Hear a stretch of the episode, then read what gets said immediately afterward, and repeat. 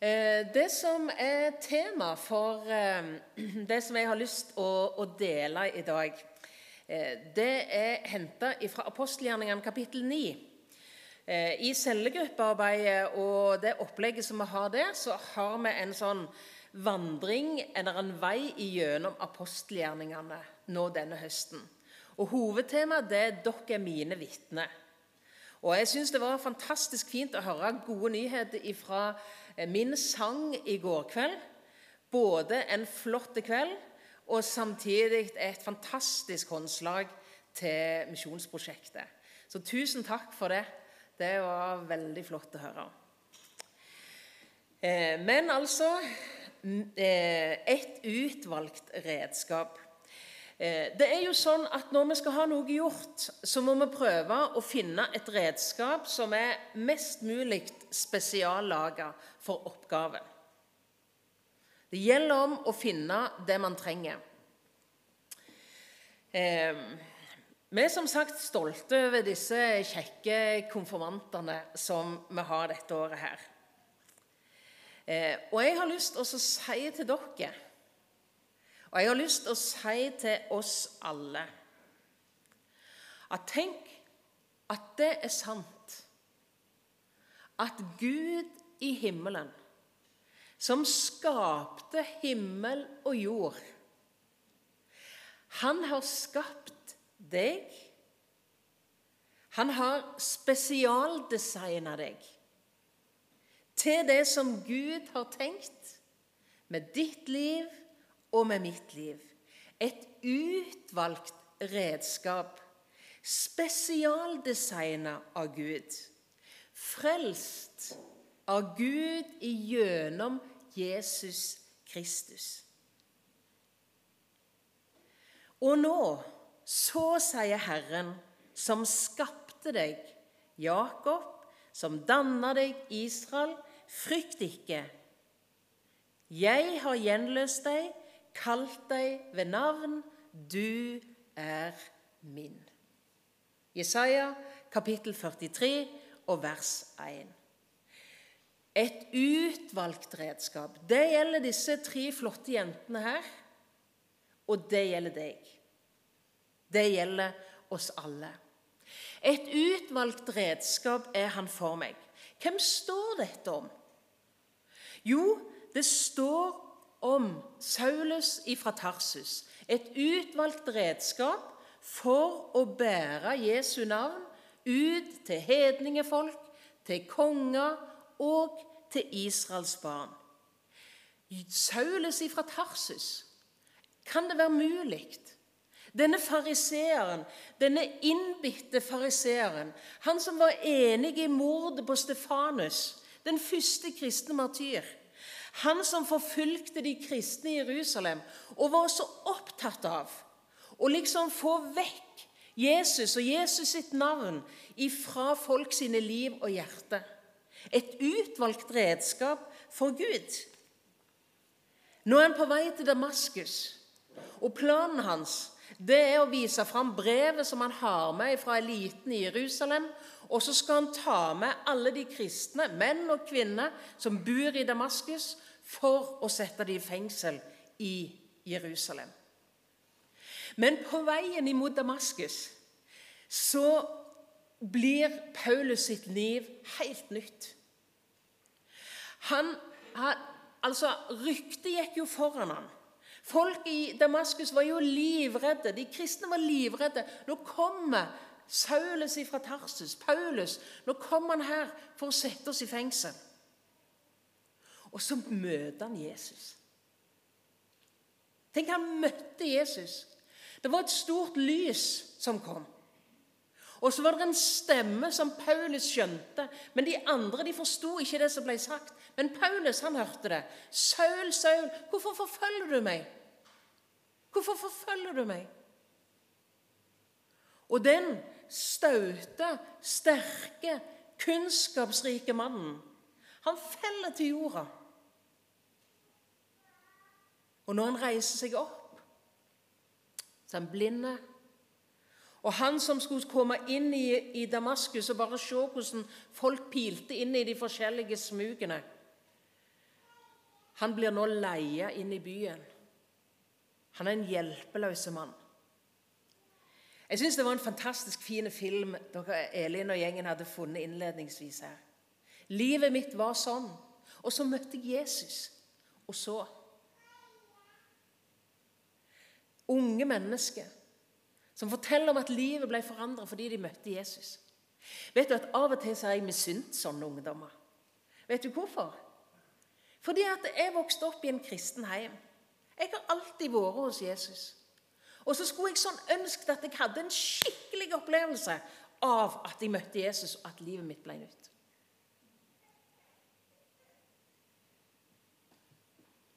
Men så har jeg tenkt litt mer. så har jeg tenkt, Audun så heldig du er som alltid har fått lov å leve hos Jesus. Som alltid har fått lov å høre han til. Og det tenker jeg sånn for dere som er konfirmanter. Det største av alt det er å alltid få lov å leve med Jesus. Å bli bevart hos Jesus.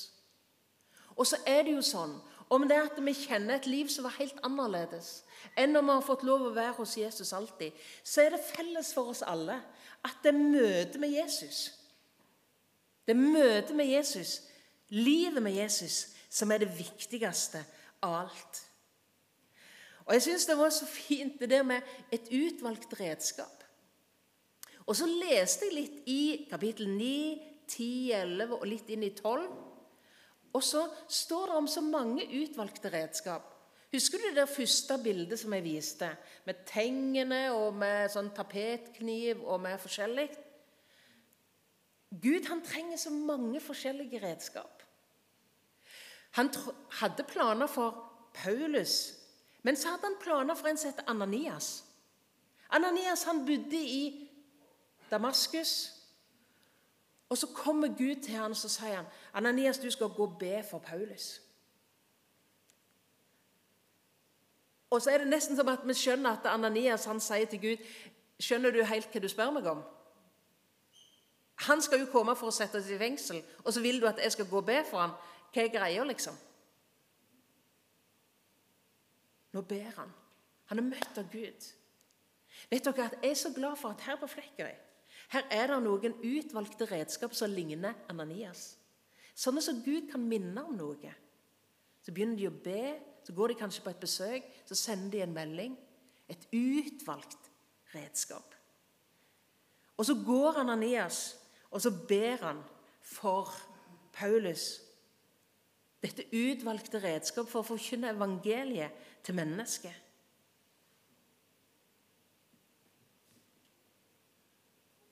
Et utvalgt redskap. Ananias, en som Gud kunne snakke til i hverdagen. En som ble brukt av Gud.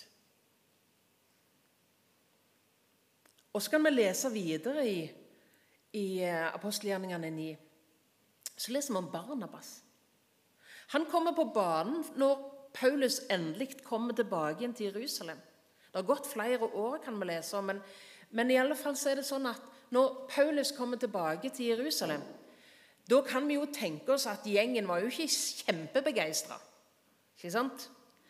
De tenkte at det er bare en ny måte som han vil lure oss for å finne ut hvem som er kristne. Det er sikkert ikke en skikkelig omvendelse med, med Paulus. Men så var det én i Jerusalem, en som heter Barnabas, som ble brukt av Gud til å snakke litt med Paulus. Når vi lurer på noe, så er det ofte smart å snakke litt. I stedet for å snakke om, så er det smart å snakke til. Hvordan ligger det egentlig an, Paulus? Og så forteller Paulus om møtet med Jesus. Om livet i Arabia når det er at han var alene, og Gud utrustet ham. Han fortalte om hva Gud hadde gjort for ham. Og så tar Barnabas på en måte, legger armen rundt skulderen hans og så tar han med seg inn i forsamlingen i Jerusalem. Og så viser han ved sin tillit til Paulus, så får de andre òg tillit til ham. Et utvalgt redskap, den omsorgsfulle Barnabas. Det er nydelig med sånne mennesker. Og så vet dere Det står om ei som og her er mange som har litt av Tabita. Har du lest om Tabita i, i apostelgjerningene 9? utrolig fint, det som står om det. Vet du, Det står hun var rik på gode gjerninger. Tenk å ha ei sånn i nabolaget, da. Hæ? Rik på gode gjerninger. Kanskje du er en sånn en. Kanskje Gud har designa deg. Kanskje Gud har skapt deg med et spesielt hjerte for å vise godhet imot andre. Fantastisk. Så skjer det noe ganske dramatisk med Tabita. Hun dør. Og så skal Gud ta tak i et annet redskap. Er det ikke flott å få være med i Guds jeg har nesten sagt, verktøykasse? Så ser han etter en som han kan sende til der Tabita er. Skal han be for henne, og så blir hun vekt opp ifra de døde. Et redskap som Gud kunne bruke. Denne gangen var det Peter. Kanskje skal du ha Gud skapt deg. Kanskje vil Gud gi deg noen gaver, sånn at du kan være med og be for andre. Be for mennesker som er syke. Et utvalgt redskap. Denne gangen var det Peter. Og Så står det litt mer om Peter. Det var nemlig en kar som, som bodde i Cesarea, en kystby. En som het Kornelius. Han var en romer, men han lengta sånn etter Gud. Han ba mye til Gud. Han ga almisse, altså han ga eh, gaver. Men han hadde ikke hørt om Jesus. Han hadde ikke hørt om Jesus, han kjente ikke Jesus.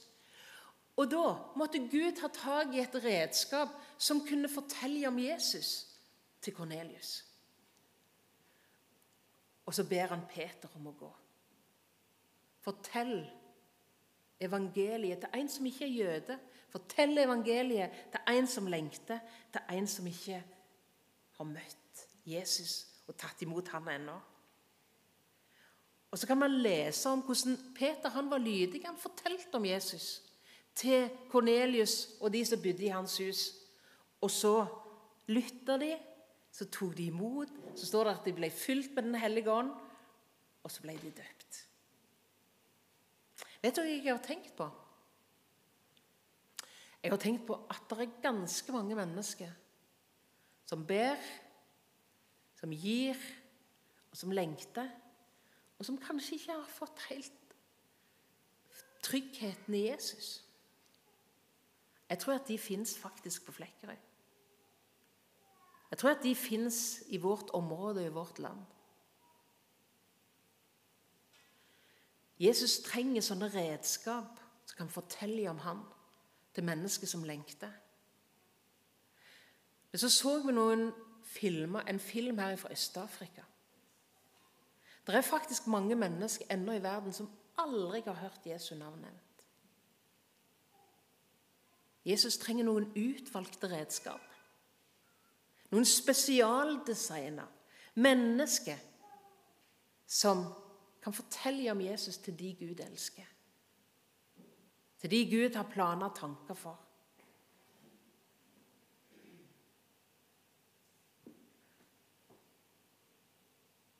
Kanskje du skal være et sånn et redskap. Det siste som jeg hadde lyst til å ta med av liksom, de denne glimta fra disse kapitlene på utvalgte redskap, det er Johannes Markus. Johannes Markus han var en ung mann som bodde i et hus, vokste opp i en heim der de kristne gikk ut og inn. Så Han hadde lært å kjenne Jesus, så hadde han sikkert en lengsel i hjertet sitt. Han hadde lyst å kanskje finne ut av hva som er Guds plan, hva som er Guds vei for meg. Og så fikk han anledning til å være med som lærling i sammen med Barnabas og Paulus når de var på reise. Jeg syns det er så fantastisk fint når det er at jeg møter unge mennesker. Ja, ikke bare unge mennesker, men jeg møter mennesker som sier jeg lengter sånn etter at Gud kan bruke meg i hverdagen. Jeg lengter sånn etter at Gud skal vise meg sin vei. Jeg lengter sånn etter å få lov å bli brukt av Gud der han vil, sånn han vil. Lengter du etter det? Lengter du etter det? Vet du at du er et utvalgt redskap? Gud har tenkt på deg. Gud har planer for dem.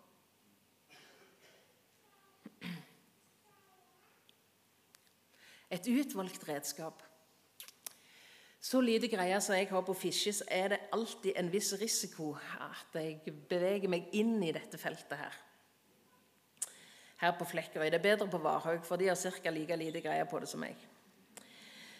Eh, et utvalgt redskap. Ulikt fiskeri. Det er ulike måter å fiske på, ikke sant? Det handler litt om hvilken fisk man vil ha tak i. Det handler litt om hvilke anledninger man har, selvsagt, osv. Jeg har ikke glemt det, altså. Fikk SMS eh, eh, angående noe annet fra Fredrik på 1. oktober, og da sa han at i dag så er det årets høytidsdag. Hæ? Helligdag. Sånn var det, ja. Jeg tenkte det var sånn heldige dag, men det var iallfall eh, Det er iallfall tingen. Hummerfiske. Ikke sant? Vet dere at En av de store fryktene som jeg hadde før dette møtet her, og før jeg valgte det bildet der, det var at jeg skulle ta bilder av noe som ikke var ei hummerteine, men ei annen slags teine. Men dette er ei hummerteine, sant? Er det ei hummerteine? Kanskje. Ja, der ser dere, sant? Det er altså ikke hjernen som er helt uh, Altså, Jeg tror jeg må være med ned på å se skikkelig hummertegn og ta bilder av det, så det ikke gjør en bommert igjen. Men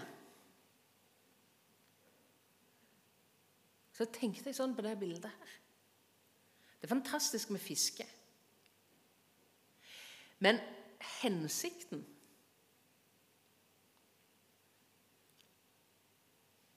En god tur kan være flott i seg sjøl. Men ikke sant det er når vi ser den der brune og oransje i, i teina, det, det er stas. Svarte. Tenk å være en liten gutt og ha fått sansen for fangsten. Hæ? En liten gutt som har fått sans for fangst. Vet dere hva jeg tenker på? Det er fint å være et utvalgt redskap for Jesus. Men hva er grunnen til at Jesus trenger noen redskap? Hva er grunnen til at vi skal få lov å leve livet vårt sammen med Jesus, i tjeneste for Jesus? Jo, det er jo for at Jesus vil ha kontakt med flere. Han ønsker fangst. Han ønsker nye mennesker som skal fylle ham og så ser jeg av og til noen som er bøyd over en bibel. Og Jeg skulle ønske at vi hadde litt av det samme blikket som denne her karen her som binder klør.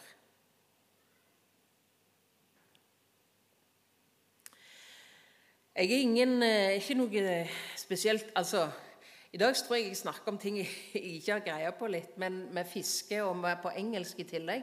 Men jeg, jeg eh, jeg, fant, jeg har en sånn King James-bibel hjemme. Og jeg tenkte, jeg lurer meg på hva det står om et utvalgt redskap. Så står det 'A chosen vessel'. Og så slo jeg opp i sant, Wessel, hva det betyr. Og så så jeg bare sto 'fartøy'. Det var det som det egentlig ble, ble brukt mest om. Men så sto det òg at det kunne brukes som en, om en beholder en bolle eller en eller annen beholder for væske. En karaffel eller sånne reagensris for blodprøver. Et utvalgt redskap. Og så tenkte jeg på, og så leste jeg om, at det er jo egentlig ikke fartøyet eller beholderen i seg sjøl, men det er det som den er fylt av. Det er det som den skal bære med seg. Det er det som er hovedpoengene. Og så sto det litt om hvor viktig det var at beholderen var rein. At den var tom. For da kunne den bli fylt opp av det den skulle være fylt av.